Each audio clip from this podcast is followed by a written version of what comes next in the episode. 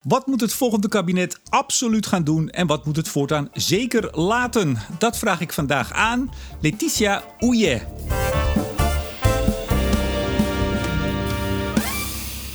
Hartelijk welkom. Ja, dankjewel.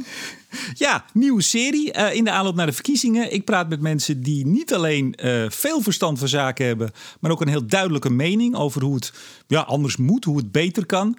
Volgens mij heb jij wel zo'n mening. kan je wel stellen, ja. Ja, en wij kennen elkaar en daarom zeg ik jij. Ja, en ook omdat ik maar 42 ben. Kijk eens aan. En ik heb net geprobeerd jouw voornaam, Letitia, om dat goed uit te spreken. Is dat gelukt? Ja, mijn moeder zou nu echt God zijn. nou, daar doe ik het voor. hey, um, voor mensen die jou niet kennen, want jij bent heel actief. Uh, zeker op social media ook, maar op heel veel terreinen. Toch even om je voor te stellen. Uh, wat doe je op dit moment? Op dit moment ben ik uh, voorzitter, uh, eigenlijk sinds uh, ik ben op mijn verjaardag voorzitter geworden van de Windvogel. Dat is de oudste en grootste windenergiecoöperatie in Nederland. En dat doe ik zo'n twee dagen per week. En voor de rest ben ik nog verbonden aan de Universiteit Eindhoven. we zijn wel aan het afronden, maar ik doe nog wat zaken rondom ja, strategische dossiers voor de universiteit. Ja, di Director of Strategic Area Energy. Ik vind dat prachtig. Ja, dat uh, was ik. Uh, en uh, dat ging over het profileren van de Universiteit Eindhoven op het gebied van energie. We zijn jaren op zoek gegaan naar ja, waar is Eindhoven goed in waar zijn ze wereldleidend in wat betreft energie en wat niet. En dat heeft geresulteerd in de, in de, ja, de geboorte van het instituut Eiges, die zich gaat richten op grootschalige opslag en conversie. Het maken van de nieuwe electrolyzers noem ik het altijd, de Dutch electrolyzer. En, uh, en ik heb ervoor gekozen om nou, de wetenschap nu echt aan de slag te laten gaan. Dus de directie van het instituut is, is nu echt overgenomen door een echte wetenschapper. Ze moeten het nu zonder jou redden. Ja, maar dat gaat ze helemaal lukken. Ja, hey, de windvogel uh, sinds juni pas, hè? twee dagen in de week, best veel. Ik dacht, nou, dat doe je er even zo makkelijk bij. Maar dat is dus wel een flinke baan. Nou, zo heeft uh, Siewart het ook een beetje aan mij verkocht, moet ik zeggen. Van, uh... altijd weer Siewart, hè? Siewart hey, Zomer, altijd weer die man. Siewart met zijn, met zijn mooie ogen, die zat naast mij aan de klimaattafel anderhalf jaar lang. En die zei tegen mij, weet je wat jij zou moeten doen? En, uh, en toen heb ik, ik heb eigenlijk wel stage gelopen. Dus ik ben niet uh, in juni gelijk uh, Patsboom voorzitter geworden. Ik ben vanaf eigenlijk januari 2020 ben ik bij hen ja, stage gaan lopen. Dus ik heb gewoon steeds meegeluisterd en meegedaan in de gesprekken van het bestuur. En in juni heeft hij, heeft me echt gewoon het stokje overgedragen. En, maar het is, wat je zegt, het is echt een baan. En ik had me er misschien een beetje op verkeken. Want je bent flink mee bezig en het is, het is vrijwillig.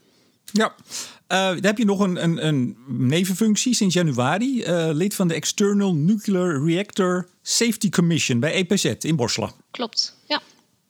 Uh, ja, af en toe eens langskomen, denk ik dan, of niet? Of is dat ook een volle, volle job? nee, het is geen volle job. het is wel, je moet wel van lezen houden. Want je ontvangt, ik weet nog altijd, dat die eerste keer dat wij een vergadering hadden, ontving ik alle bestanden. En dat, uh, ik ging ze laten afdrukken. Van ik ben nog wel een beetje van de oude stempel. Ik moet het echt afdrukken.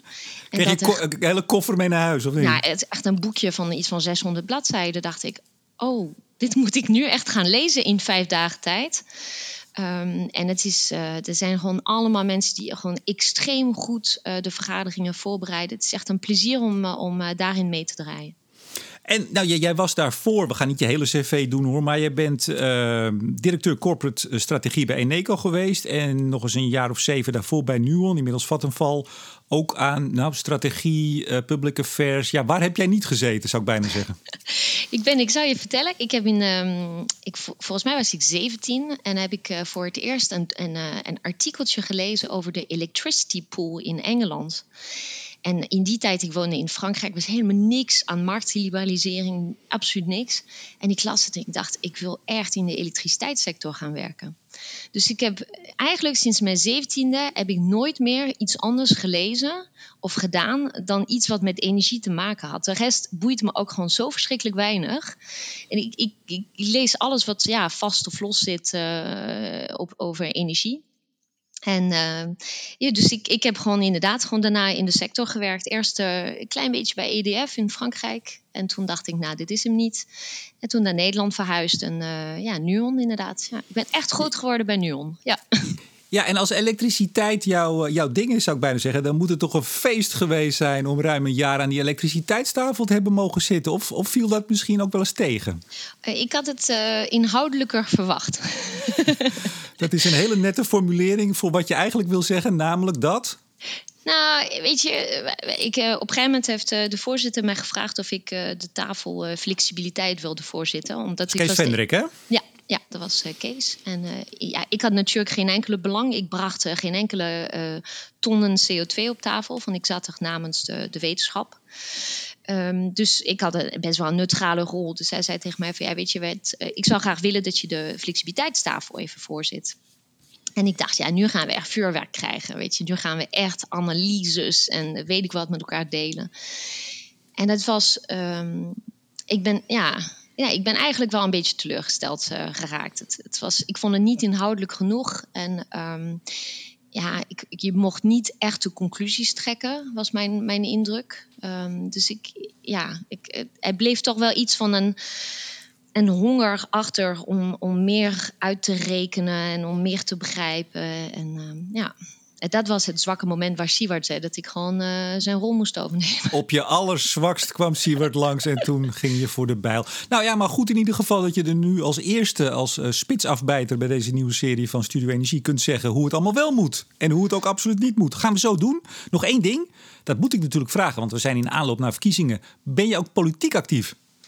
Uh, ik ben lid van een partij en ik heb mij uh, verschrikkelijk lopen opwinden over uh, het programma Energie van mijn partij. En welke partij is dat? Ja, dat PvdA. moeten we meteen weten. PvdA, ja. Ja, en ik heb amendementen ingediend. En ik weet dat die amendementen zijn overgenomen door het gewest. Maar ik weet niet of die amendementen het gaan redden op, op het nationale schaal heb uh, vaak aangeklopt bij ons, uh, bij de, de, woordvoerder van de PvdA in de Kamer hierover. Maar die, uh, ja, de, de, deur is niet uh, opengegaan. Vind ik jammer. Bij, bij William Moorlag? Ja. Ja, ja die, die komt niet terug, hè? Dat was een beetje een treurig stukje, las ik in de krant. Dat hij, hij had zich er ook wel bij neergelegd. Heb je het gelezen? Een beetje ik, ja, nee, ik heb, ik heb het niet gelezen. Maar ik, ik vind, ja, weet je, ik vind het jammer. En ik hoop in de volgende periode dat ik, dat ik wel een uitnodiging krijg om, om even wat te komen vertellen.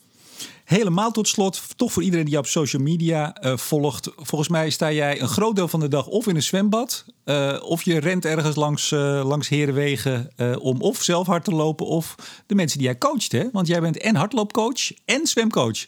Ja, klopt. Ja, nou, je weet echt heel veel. Nee, ik, heb, ik ben inderdaad uh, swim mom, noem ik mezelf. Ik heb een zoontje die op zijn zevende heeft gezegd... ik ga naar de Olympische Spelen met zwemmen. En um, ja, het hele leven hier is een beetje zo ingericht om hem daarin te helpen. Dus ik ondersteun waar ik kan. Ik sta s ochtends vijf uur op en hij moet zelf om half zes in het zwembad liggen. En ik, ja, ik, ik ben zelf compleet gepassioneerd door sport. Ik ben een lange afstandenloper, dus ik doe afstanden van ja, boven de marathon, zeg maar. Ultra? Ja, ultra's. In de berg het liefst. En, en ik vind het fantastisch om mensen te laten zien dat ze dat ook kunnen. dus ik, ik coach nu in Nederland zo'n 136 hardlopers online. Zo ongelooflijk dat je überhaupt nog tijd hebt voor het hele energiesysteem. Maar daar gaan we het nu over hebben. Yep. Dat zijn eigenlijk twee hele simpele vragen die de basis zijn voor deze gesprekken. Laten we beginnen met wat moet het nieuwe kabinet absoluut gaan doen?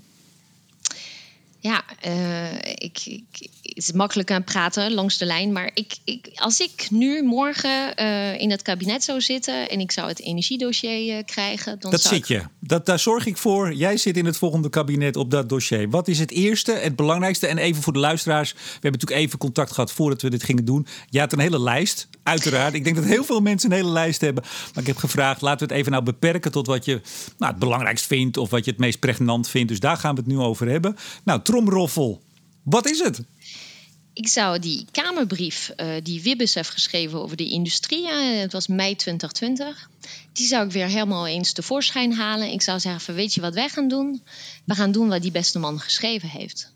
Um, ja, het was een goede brief, hè? Mijn hemel. Het was een goede brief, maar we hebben er hier thuis best wel veel uh, ruzie over gemaakt, zou ik je vertellen. Van mijn man is ook in de, in de energie gebeuren.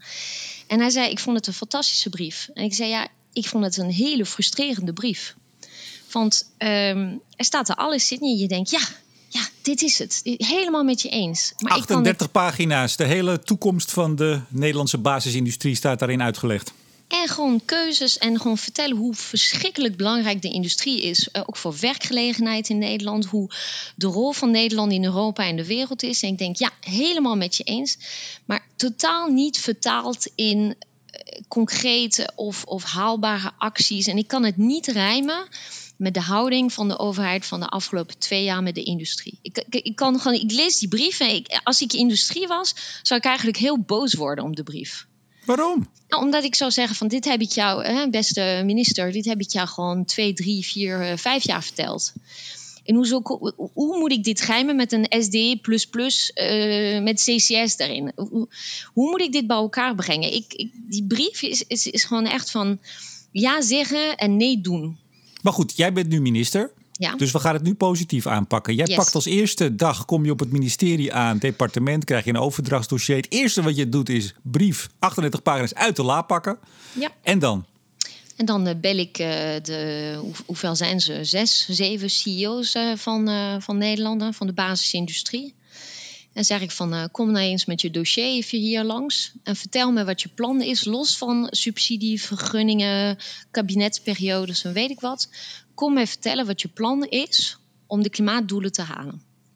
Mhm. Wat is je plan? Wat ben je van plan? En uh, stel dat je 2030 net niet haalt, maar dat je een plan hebt wat gewoon echt hout snijdt en in 2032 uh, geïmplementeerd gaat worden. Ook goed, maar vertelt wat je plan is. En uh, daarna zou ik gewoon een hele goede juridische team daarop zetten. Dan zou ik zeggen van ga op een creatieve wijze iets bedenken waardoor, waarop uh, die plannen die ik nu ga maken met deze mensen op maat, dat ze juridisch afdwingbaar zijn. Ja, en ga jij dan ook iets aan ze geven? Of is het alleen dat zij moeten brengen en vertellen wat ze gaan doen? Nee, ik ga ze absoluut wel wat geven. Kijk, uh, nu wat uh, Zert Wiebes, hij schrijft 38 bladzijden... en zo ongeveer op de 37ste staat er van... nou, er moet verschrikkelijk veel geïnvesteerd worden. 10 à 15 miljard door de industrie. Nou, dat heeft hij goed, uh, denk ik, uitgerekend. En jullie krijgen van mij 35 miljoen per jaar. Dat mm denk ik van, oké... Okay. Wat, wat is dit? Wat, wat voor investering is dit? Wat voor industriepolitiek? Ja, maar dit, dit is toch vooral een visiebrief. Hè? Die, en die heeft ook heel weinig gedaan, politiek. Hè? Maar daar komen we zo wel op. Want jouw frustratie van, ja, prachtige brief, maar en hoe nu verder... heeft denk ik alles te maken met politiek. Maar daar, daar komen we zo op. Het gaat even over de visie. Jij zegt, pak die brief, het staat er allemaal. Haal de grootste 6, 7 uh, en ook grootste 6, 7 uitstoters. Hè? Want het is bijna één op één, als je het hebt over de basisindustrie. Die haal je naar het ministerie. Kom met je plannen.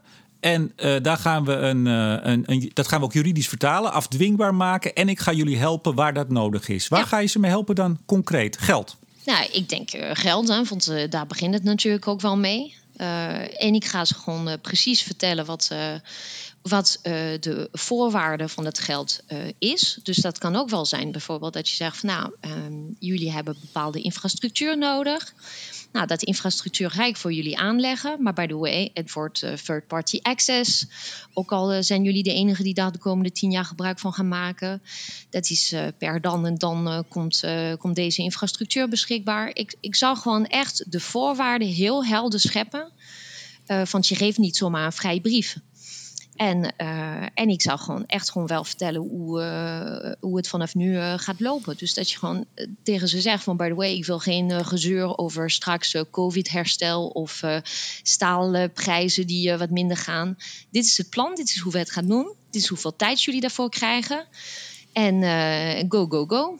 Ja, nou, nou schreef Wiebes in die brief, kabinetsbrief natuurlijk, maar goed, wie beschrijft hem dan? Die zegt, nou ja, we, we hebben eigenlijk heel veel kansen in Nederland om in Europa, misschien wel wereldwijd, een, een voortrekkersrol te gaan nemen. Hè. We gaan niet zozeer meer doen, maar we gaan het eerder doen. We gaan sneller zijn, zodat ook we heel aantrekkelijk worden als Nederland als vestigingslocatie voor die schone basisindustrie. En hij zegt, uh, dat gaan we langs vier assen doen. Eén is innovatie, nou dat zal jou aanspreken. Twee, radicale opschaling van industriële technieken. Waterstof, CCS, elektrificatie, circulair, noem maar op. Drie, infrastructuur, je noemt het al. En vier, wet en regelgeving. Ga jij ook deze vier, uh, langs deze vier lijnen? Ik ga eh, deze vier zeker doen, maar ik kan je verzekeren dat ik uh, mijn blik op innovatie heel erg anders is dan de blik waarmee minister Wiebes deze brief geschreven heeft. En ik heb. Um, ik ben dus ook uit de tafel gestapt. Hè. Ik ben niet tot het einde van de onderhandelingen gebleven. Ik heb een, uh, destijds een, ook een opzegbrief gestuurd aan het ministerie en aan, en aan de um, Kees Vendrik. En dat ging puur en alleen over de aanpak van innovatie ik heb gezegd, als je echt. Uh, ik, ik, vind dat boek Publieke Werken. Ik weet niet of je die uh, gelezen hebt van, uh, van de Rozenboom, geloof ik, ik. Ik vergelijk altijd de energietransitie met publieke werken. Je gaat gewoon echt iets mega groot neerzetten. Je, je, je moet ja, 10, 15 miljarden moet je gaan investeren. Moeten gewoon gigantische buizen getrokken worden, tracés en weet ik wat. De, en dan ga je voor je innovatiebeleid niks veranderen. Er is. Eh, toen wij aan de tafel aan het praten waren over het innovatie-instrumentarium, was eigenlijk mijn pleidooi altijd van je moet de satéprikker nu door uh, dat hele innovatieketen, die moet je er doorheen echt zetten. En er wordt niet samengewerkt tussen het ministerie van de EZK en het ministerie van de OCW. Nou, dat is een publiek geheim. En daardoor kan je allerlei opschalingsplannen hebben voor waterstof of CCS of weet ik wat. Maar als je niet ervoor zorgt dat er aan de achterkant bij de universiteiten gewerkt wordt aan dezelfde thema's om ervoor te zorgen dat de technologie alsmaar beter wordt, dan is het gewoon investeren in de volgende baksteen. Hm. Zat je niet aan de verkeerde tafel? Had je niet aan de industrietafel moeten zitten? Ik had heel graag aan de industrietafel gezeten, maar ik zat toch aan de elektriciteitstafel. En ik denk dat het te maken heeft met wat ik zei. Altijd een elektriciteitsmeisje geweest en bij Nuon en Eneco toch met elektriciteit bezig geweest. Maar industrie heeft mijn hart. Je zei aan het begin uh, dat het wel een beetje een teleurstelling was, de tafel. Maar als ik het zo hoor, is er gewoon een dikke heiboel geweest. En ben je inderdaad uh, heel boos van tafel gelopen, of? Ik ben, ik ben heel boos geworden, ja. En ik ben vooral heel erg boos geworden op de partijen die eh, liepen te roepen toeten dat er eh, waterstof, het, kon niet uh, gek genoeg hè, wat betreft de, de, de doelstellingen. En en dat er gewoon, als ik een coalitie zocht om met mij te zeggen dat er echt iets moest gebeuren aan het innovatiebeleid in Nederland hè, en het huidige instrumentarium en de manier waarop uh, de, de, verschillende departementen met elkaar samenwerken, dan vond ik niemand die met mij gewoon wilde roepen. En waarom, waarom, waarom is dat? Nou, ik denk, hè, wat je zegt, de, de politieke haalbaarheid. Uh, ik heb gewoon op een gegeven moment ook van het ministerie gehoord van ja, luister, dit is gewoon geen onderdeel van het coalitieakkoord. En uh, nou, er wordt gesproken over dat de topsectoren toe zijn aan een uh, herziening. Maar dat zal sowieso niet in deze kabinetsperiode gebeuren. Er is een soort van ja, gentleman's agreement dat het, uh, ja, dat het blijft bij hoe het is. En, mm -hmm. en ik heb het goede vertrouwen dat het binnen vijf jaar wel anders zal zijn. Maar ik baal zo enorm van de tijd die gewoon doortikt. Ja, maar laten we toch even kijken, want je zei het net, hè, die brief die is gekomen en daar was je aan de ene kant heel positief, maar ook heel teleurgesteld over, hè, uh, van wat, erin staat, als ik je goed begrijp. Maar nu even, jij zit straks aan de knoppen. Laten we toch even gaan, want daar moeten we het dan toch over hebben. Jij bent ook uh, lid van de PvdA, jij bent dus politiek ook een, uh, nou, politiek dier misschien wel, hè? Je houdt er blijkbaar ook van. In wording. Ja, precies, in wording, oké. Okay. Um, maar wat is daar dan voor nodig? En hoe kijk jij op dit moment naar de politiek? Uh, wordt zo'n uh, minister Ouillet, die, uh, die deze aanpak voorstaat... zou dat mogelijk worden met hoe partijen er nu in zitten? Nou, ik denk dat ik. Um, ik denk dat je als, als, als minister en als departement gewoon heel bescheiden moet zijn over wat je weet. Ik bedoel, um, ik had laatst uh, belde iemand mij voor een, uh, voor een klus. En dat ging over de hele CO2-handel en ETS. En ik zei, daar ben ik gewoon niet in thuis. Dat is gewoon niet mijn favoriete thema. En ik uh, bel maar iemand anders. Josko Seinze. Nou, bel bijvoorbeeld Jos, hè. Die, eh, die heeft er gewoon echt wel zijn leven van gemaakt. Dus uh, ja, ieder, uh, ieder zijn, uh, zijn vak. Ik had Jos gisteren aan tafel bij de CO2-conferentie. Dus hij schoot meteen in mijn hoofd toen jij dit net zei. Maar dat terzijde. Maar en dan, dan denk ik van, moet je nagaan. Ik heb gewoon dus sinds mijn achttiende never nooit iets anders gedaan dan energie. En ik vind mezelf geen expert op het gebied van ETS. En ik heb er de nodige dingen over gelezen. Maar dan denk ik, je bent departement en je gaat over energie- en klimaatbeleid. Het is onmogelijk om van alles iets te weten. En dat, dat neem ik ze helemaal niet kwalijk. Dus ik zou zeggen van, wees bescheiden over wat je weet. En waar je toch wel gewoon twijfelt over eh, hoe goed is deze technologie, eh, wat is uh, de vooruitzicht ervan of dat soort dingen. Haal de kennis in huis of verbind met departementen die de kennis wel hebben. Ik, voor waterstof, dat is natuurlijk mijn favoriete stokpaardje wat dat betreft. Um, als Wiebes had gebeld met NWO en had gezegd: ja, Wil je voor mij op een rijtje zetten hoeveel hoogleraren we in Nederland hebben op het gebied van elektrolyse? dan had hij zich echt een hoedje geschrokken. Van we hebben een jaar of 10, eh, 15 geleden zo ongeveer alles wat er aan elektrolyse kennis in Nederland helemaal afgebouwd. En er zijn er nog een paar hele goede uh, wetenschappers in Eindhoven, in Delft en in, in Leiden bijvoorbeeld. Maar er zijn een handvol. En als je echt gewoon nu een waterstof-economie wil gaan bouwen, dan moet je er absoluut voor zorgen dat je aan de achterkant ook wel gewoon de kennis blijft ontwikkelen.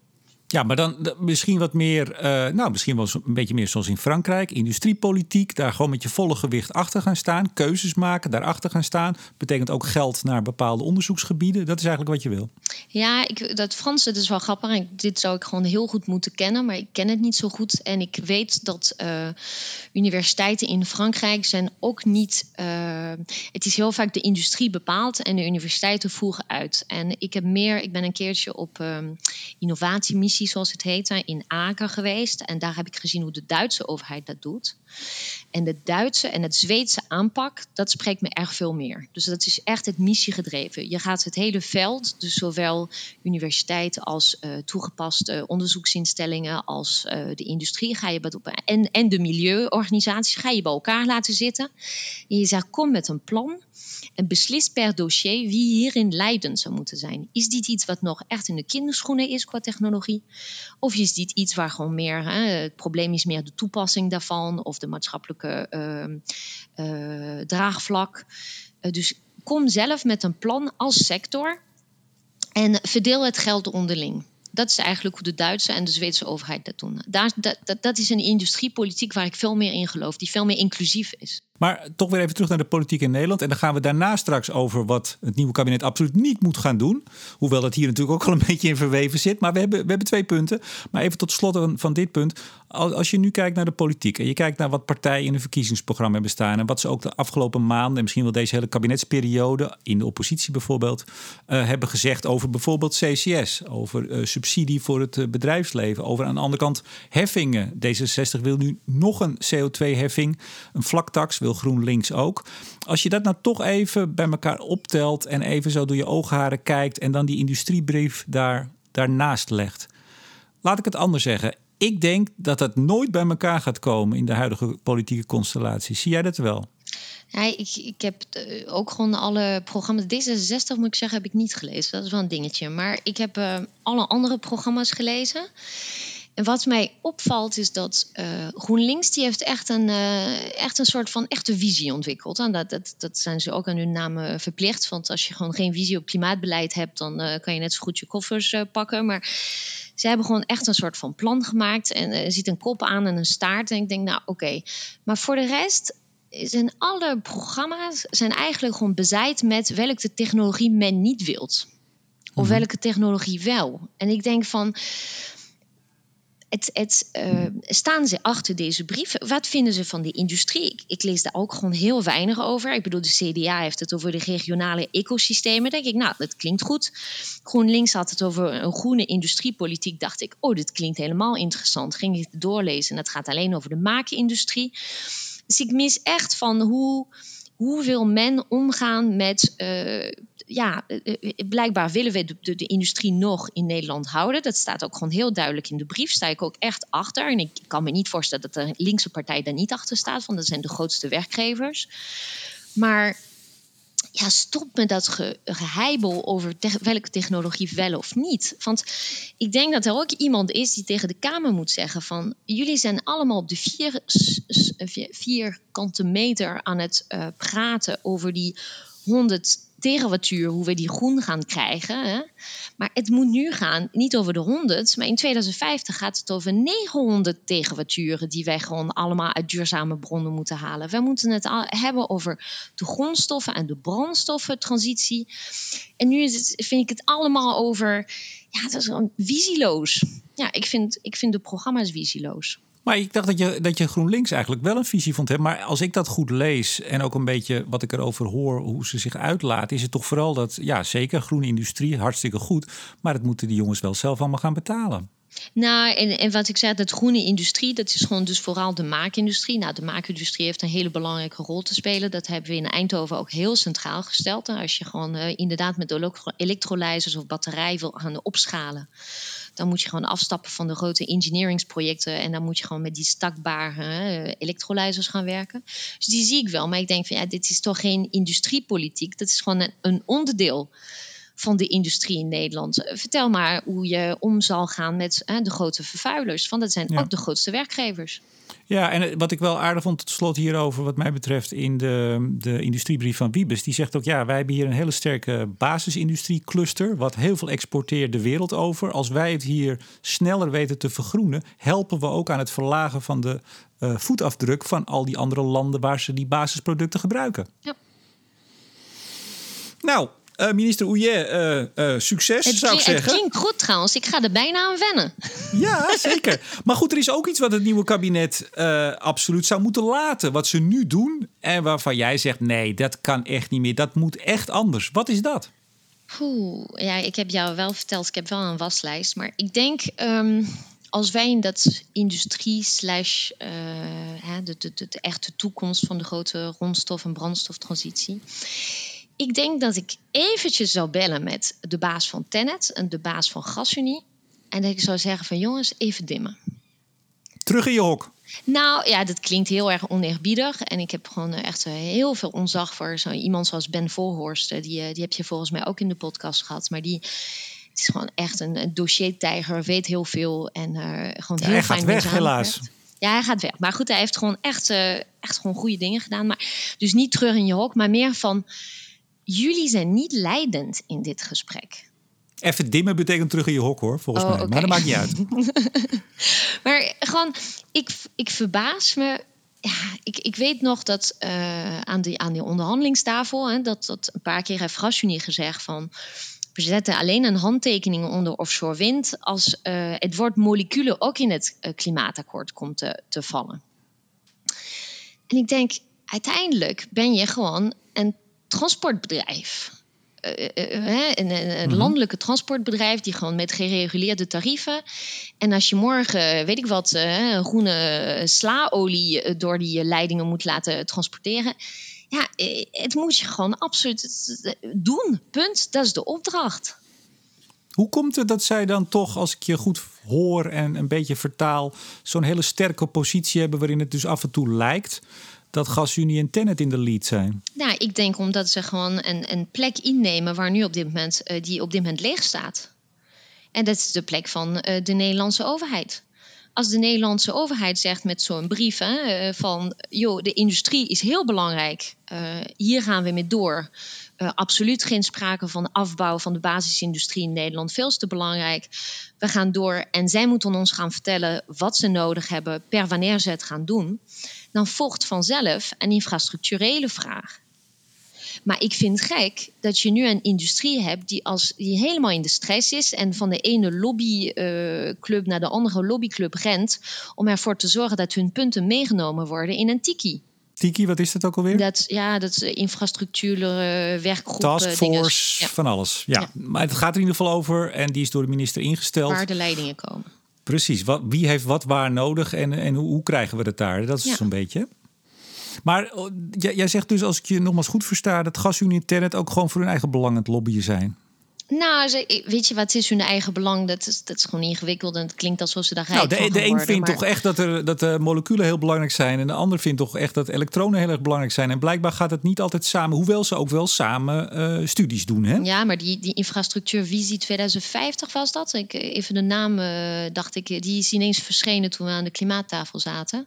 Mhm. En dat was een, eh, on- ondersteund door beide. En je zag ze op de foto op LinkedIn, die, die, die handreiking doen aan de minister. Maar eh, puntje bij paaltje was dit gewoon een rapport van GasUnie. En, en ze laten elkaar in de waarde en ze trekken met elkaar op. Maar ehm, ja, ik stoor me toch, toch sorry, aan het feit dat ze zo een leidende rol pakken in de discussie. En nogmaals, je kan ze dat niet kwalijk nemen, omdat ze iets heel belangrijks zeggen. En dat is van jongens, het duurt best wel een paar jaren voordat je zoiets gerealiseerd hebt. Dus schiet eens op, eh, kabinet. Met eh, waar je de leidingen nodig gaat hebben en per wanneer. Want anders straks halen we het allemaal niet. Sterker, t- 230 is voor Tenet ongeveer morgen. Hè? Ja, nou ja, ik denk gisteren. Ja. En ik zie alleen al eh, als windvogel, als wij gewoon een, eh, een, een, een lullige windmolen ergens in een, in een weiland moeten gaan plaatsen. met hoeveel mensen we in een onderhandeling moeten gaan. En hoeveel mensen gecompenseerd moeten worden. Laat staan dat je gewoon enorme tracés gaat doen voor, voor nieuwe verbindingen. Ja, even terzijde. Jullie hebben ook zonnedaken, hè? Drie. Wij- Wij de windvogel. Ja, toch? Ja, in Duitsland. Oh, ik, echt waar? Ja. Oh, ik keek nog even vanochtend. Ik, ik, dat zag ik nou niet. Waarom nou in Duitsland? We hebben een eh, avontuur gehad in Duitsland. En ehm, nou, dat was interessant. We weten meer van de Duitse markt. Maar wij, eh, wij hebben echt wel besloten dat we ons nu gaan focussen op Nederland. Volgens mij weten de luisteraars inmiddels, als jij zegt dat was interessant, dan bedoel je eigenlijk dat was een grote ellende, of niet? Ik, eh, het is wel grappig. Je vult nu dingen in die ik eh, helemaal niet gezegd heb, eh, Remco. Dat- Sowieso was het voor mijn tijd. Dus deze vraag zou je aan moeten stellen. Oké, nou dan ga ik dat bij Siewert vragen. hey, maar terug naar Tenet en GasUnie. Ehm, jij zegt, ik, ik, ik zou ze bellen en zeggen, nou ja, eh, je zei het netjes, maar even dimmen en et cetera. Maar zou dat kunnen in de Nederlandse verhoudingen, überhaupt? Ja, ja? Ik denk dat het zou kunnen. En ik denk dat er een eh, hele belangrijke speler is eh, die tot nu toe veel te weinig mag. en veel, te, veel meer rol zou kunnen pakken. En dat is voor mij het ACM. En ik heb eh, zelfs gewoon met het bestuur van het ACM meerdere keer gezeten. Of in ieder geval de managementteam. Ik heb daar ook een masterclass gegeven na het klimaatakkoord. En ik heb gezegd, ga alsjeblieft, kom alsjeblieft weer in de picture. Uh, toen ik helemaal begon op de elektriciteitsmarkt in Nederland, dat je allemaal uh, monitoren, en volgens mij bestaan ze nog steeds, maar in die tijd had ACM echt een hele belangrijke rol als het ging over het, ja, wat, wat de visie was voor de voorzieningszekerheid in Nederland, of er genoeg geïnvesteerd werd en dat soort dingen. En ik heb het gevoel dat in de afgelopen jaren EZK steeds meer het, ja, de rol van ACM heeft ja, bijge bijgesteld. En uh, ze waren ook geen partij bij de klimaattafel. Ze mochten alleen maar zeggen of, uh, of wij gewoon hele geheime dingen met elkaar wel of niet aan het bespreken waren. Maar ze, ze waren daar niet als specialist aanwezig. En dat stoort mij. En ik denk dat als je een hele sterke ACM hebt en dat je eigenlijk een beetje naar het Engels model gaat, ja, dat je dan uh, A, het gesprek veel minder politiek gaat maken. Uh, veel minder uh, kabinetsonbestendig. En van nu moet je echt iets hebben wat over alle kabinetsperioden heen gaat. En ik denk van ja, maak daar een soort van goede energieagentschap van. Dat was het ooit. ACM is nu eigenlijk ja, de toezichthouder. Die kijkt of de, de warmtetarieven wel goed kloppen en zo. Heel veel toezicht. Is het dan wat jij voorstelt een, een nieuwe taak, een nieuwe rol? Of eigenlijk meer het, het versterken van wat ze eigenlijk al zouden kunnen en in jouw oog ook moeten doen? Nou, ik vind dat het gewoon hun rol is. Uh, als je moet uh, zorgen dat de investeringen die gedaan worden, worden gedaan hè, op een, uh, op een um, ik ben nu even dat mededingsterm even vergeten, maar dat je gewoon het publieke belang voorop uh, zet. Het publieke belang is niet alleen lage tarieven.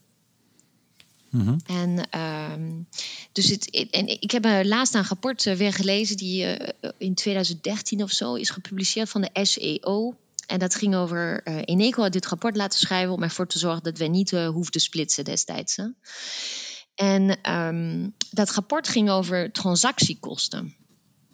En ik heb hem laatst in het nieuwe licht gelezen van wat er nu allemaal gebeurt met een SDE. En, uh, de, En ik dacht van ja, maar ze hadden het wel echt helemaal bij het goede eind. Dat je. Ehm, dat wij nu zo aan het, uh, de markt, hè, de markt moet de markt zijn, er moet allemaal uh, marktwerking zijn. De marktwerking is nu zo heilig geworden in Nederland en het mag allemaal niks kosten. Dat je eigenlijk um, daardoor hele hoge kosten voor de lange termijn maakt die niet in beeld zijn. Ik, ik geef je een voorbeeld. Uh, toen ik bij Eneco werkte, was ik dus hè, corporate strategie. En we hadden een systeem bedacht en dat heette de infrastructurele footprint. Nou, we hadden een model helemaal ontwikkeld. En per wijk konden wij precies uitrekenen wat elke, uh, ja, elke uh, transitiekeuze die je kon maken per wijk in Rotterdam, wat het allemaal aan kosten zou brengen en waar de kosten zouden vallen. Dus we hadden echt zo'n integrale kostenmodel gemaakt. We waren daar super trots op. En alles zat erin. Nou, warmteleidingen, gasleidingen en de vervanging van gasleiding kost ook geld. En alles zat erin. En wij hebben onszelf verplicht, we hadden nog steden in ons portfolio, uh, daarna niet meer, hebben wij aan het ACM, uh, toen wij het capaciteit-kwaliteit document moesten insturen, hebben we een bijlage gestuurd van oké, we hebben hem berekend volgens jullie methodiek, maar in de bijlage nemen we een andere um, methodiek die wij willen voorstellen als een soort van creatieve oplossing voor de toekomst, om ervoor te zorgen dat je goed kijkt hoe je per wijk met de transitie om zou kunnen gaan. We waren zo trots, echt zo trots. En het ACM heeft ons laten weten van ja, die bijlagen nemen we niet in behandeling. Want ja, dit is niet wat we jullie gevraagd hebben. Dit is niet relevant. We hebben jullie gevraagd van waar ga je in investeren de komende 15 jaar. En uh, dankjewel voor de inzending, maar de bijlage, bijlage is voor ons niet relevant. Tja. Zak toch de moedje in de schoenen? ja, ik durf niks meer te zeggen. Uh, ja, maar hoe gaan we nou verder? Want dus ACM, grotere rol. Hè? Ja. Uh, uh, GasUnie, Tennet, uh, dimmen of woorden van gelijke strekking. Um, maar uiteindelijk begint en eindigt dit dus bij het kabinet. En ja, die kan uh, niet meer doen dan de ruimte die de Kamer geeft. En dan zijn we dus toch weer terug bij het begin van dit gesprek, de verkiezingen van 17 maart. Ja, moet je dan niet toch, ik bedoel, heel veel mensen hebben daarover gesproken toen het akkoord eenmaal getekend was. Moet je niet toch naar een soort van energieagentschap of een, een, weet ik wat, een instituut uit armslengte van de overheid, dat, dat ervoor zorgt dat het gewoon uit de politiek uh, getrokken wordt? Zoals in Groot-Brittannië. Ja, en dan laat je gewoon één keer per jaar de, de directeur uh, laat je gewoon opdraaien voor de Kamer en laat je gewoon even rapporteren over de voortgang. Maar waarom denk je dat we dat niet hebben, nog niet hebben en als ik, ik denk ook niet gaan krijgen op korte termijn? Hoe komt dat? En waarom niet? Nee, maar nee, de, de vraag is hoe komt dat? Nou, zal ik hem dan antwoorden? Ja. Uh, de grote verdeeldheid, politieke verdeeldheid. Heel veel partijen, veel profileringsdrang, strijd om de zetels. En die uit zich uiteindelijk in ja, elkaar niet op hoofdlijnen, zelfs niet voor zo'n belangrijk dossier als we het hierover hebben: klimaatverandering, de energietransitie. Zelfs dan elkaar nog niet kunnen vinden en toch elkaar vliegen blijven afhangen. En dan zeg ik het even heel plat. Ja, maar dan begrijp ik niet hoe ze allemaal hè, zo ongeveer uh, bovenaan hebben gezet van uh, de klimaatdoelen zijn heilig en uh, het wordt echt tijd. En de VVD klimaatbeleid is geen ideologie en GroenLinks naar 60 in plaats van 55 procent, weet ik wat. Ja, maar dat is nou, dat is nou precies het pijnlijke inderdaad. Dat, dat partijen, en dat zit niet alleen in de politiek, dat zit ook daarbuiten, die zeggen dat klimaatverandering absoluut de hoogste prioriteit heeft, uiteindelijk niet handelen uh, in overeenstemming met wat ze zeggen. Ja, weet je, ik um, was deze week was volgens mij die rechtszaken met, uh, met Shell en Milieudefensie en zo. En je hebt Urgenda. En ik denk dat wij. en ik weet, je, je hebt daar een mening over. En, en ik snap hem ook wel. Maar ik, ik, ik ben blij met dit soort zaken. Ik ben blij dat er gewoon gepusht wordt. Wacht even, mevrouw Oeje. Want nu denken de luisteraars: jij hebt daar een mening over. Nou, vul jij in. Wat is mijn mening dan? Nou, volgens mij vind je er gewoon dat deze partijen niet heel erg constructief bezig zijn. En dat ze gewoon best wel vaak ook op hun afspraken terugkomen. En dat je daar niet echt op kan bouwen. Nou, even, het is misschien toch wel even goed, want gisteren speelde dat op, op Twitter ook weer. Uh, het is ook een beetje Henry en ik hebben het daar wel eens vaker over gehad. Ik vind absoluut dat uh, de rechtszaak van Milieudefensie en, en andere organisaties, en ik geloof 17.000 Nederlanders, ja, dat snijdt wel zeker houdt. Het is de volgende stap in het kijken hoe we dit uh, verder kunnen brengen. En ik ben heel benieuwd wat de rechter gaat doen. Ik heb ook geen idee. En ik, ik geloof de meeste, de meeste experts durven er ook na Urgenda niks meer over te zeggen. Het past heel erg in die transitie waar, die we eigenlijk nog maar net begonnen zijn. Uh, dat er bedrijven ook voor de rechter gedaagd worden. Dus ik denk dat dat. Uh, ik zou bijna zeggen, ja, eigenlijk alleen maar goed is. Het gedrag van uh, sommige NGO's en hoe die uh, bepaalde zaken aanpakken, daar ben ik uh, heel vaak geen fan van. Maar dat staat los van de zaak. Nee, en dat precies, onderscheid wil ik wel even maken. Mijn, dat is ook hoe ja. ik dacht dat je daarover dacht. Want okay, het gaat niet nou, over de wat, maar het gaat over de hoe. En dat gaat over de communicatiewijze. Ik heb, ik heb ook wel eens mijn irritaties gehad over partijen zoals Greenpeace.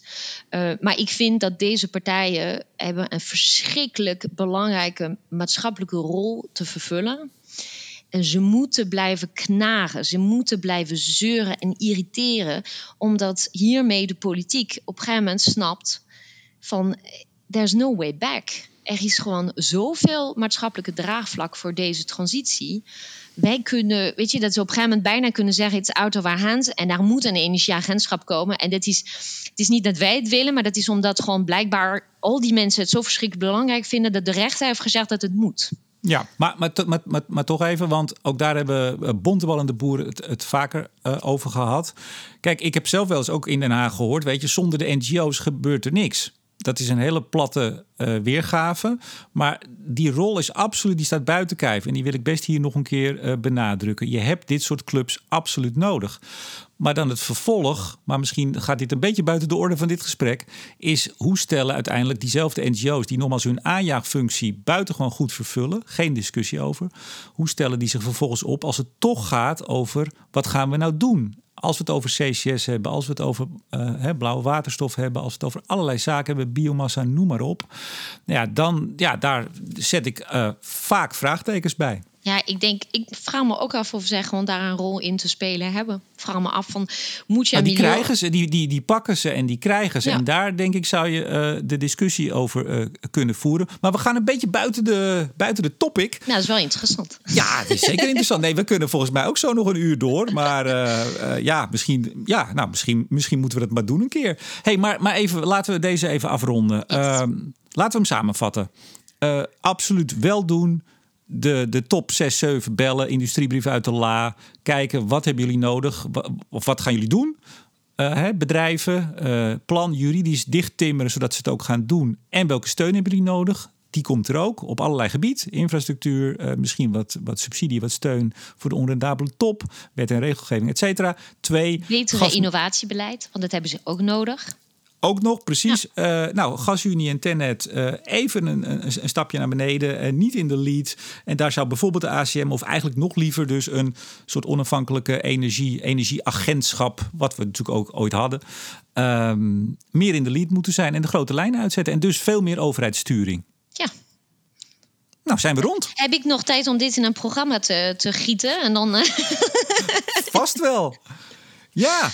Ja, vast wel. Nou, maar ik denk dat we rond zijn. Of heb je nog iets op je, op je hart? Want, want uh, ik ken jou als iemand die... Uh, uh, nou ja, daarmee ben je ook de eerste in deze serie... die absoluut en heel veel verstand van zaken heeft... en een, een scherpe mening. Nog iets waarvan je zegt... nou, nu ik hier toch achter de microfoon zit... achter mijn headset... dit wil ik nog even kwijt. Nou, ja, even... Ik denk wel... Um ja, ik ben op zoek naar een baan. Hè, en ik had uh, laatst een, uh, een, gesprek met zo'n headhunter. En die keek naar mijn cv. Die zei van, ja, weet je, zo inhoudelijk... Ik, ik ga je in deze sector never nooit kwijt. Daar zitten we... was, dat, was dat wel een goede headhunter? Nou, Want, dat kan je ook de vraag stellen. Maar ik heb uh, op een andere functie gesolliciteerd recentelijk... waar ik gewoon afgewezen ben omdat ik te inhoudelijk was. En dan denk ik wel, dat vind ik wel een, een symptoom van de laatste tijd is dat het lijkt alsof wij gewoon bang zijn geworden voor inhoud. En er moeten, dit is een verschrikkelijk ingewikkeld dossier en er moeten dossiertijgers hierop. Je moet gewoon diegene die straks uh, de industrie naast de minister Oeje, weet ik wat, uh, bij, de, bij de tafel met die zes of zeven CEO's gaat zitten. Diegene die daarnaast zit, die moet er gewoon verschrikkelijk van afweten. En bij de bedrijven moeten ook inhoudelijk mensen benoemd worden. En bij zo'n energieagentschap moet je daar niet een soort van uh, politieke uh, benoeming van maken. Maar je moet juist alleen maar kijken van heeft deze persoon die de afgelopen 10, 20, 30 jaar bewezen dat hij of zij er iets van weet? Nou, jij, jij hebt dat bewezen, dus en je hebt verstand van zaken en je hebt de mening en je bent ook nog eens beschikbaar. Ja, en ik ben een vrouw, dat is heel belangrijk op dit moment. Hè? Kijk eens aan. Um, Letitia Oeje, ik hoop dat je moeder nog steeds trots op me is. Hartelijk dank voor het gesprek. Dank voor de uitnodiging, Remco. En uiteraard bedank ik ook jou, beste luisteraar, voor het luisteren. Mijn naam is Remco de Boer. Graag tot de volgende keer.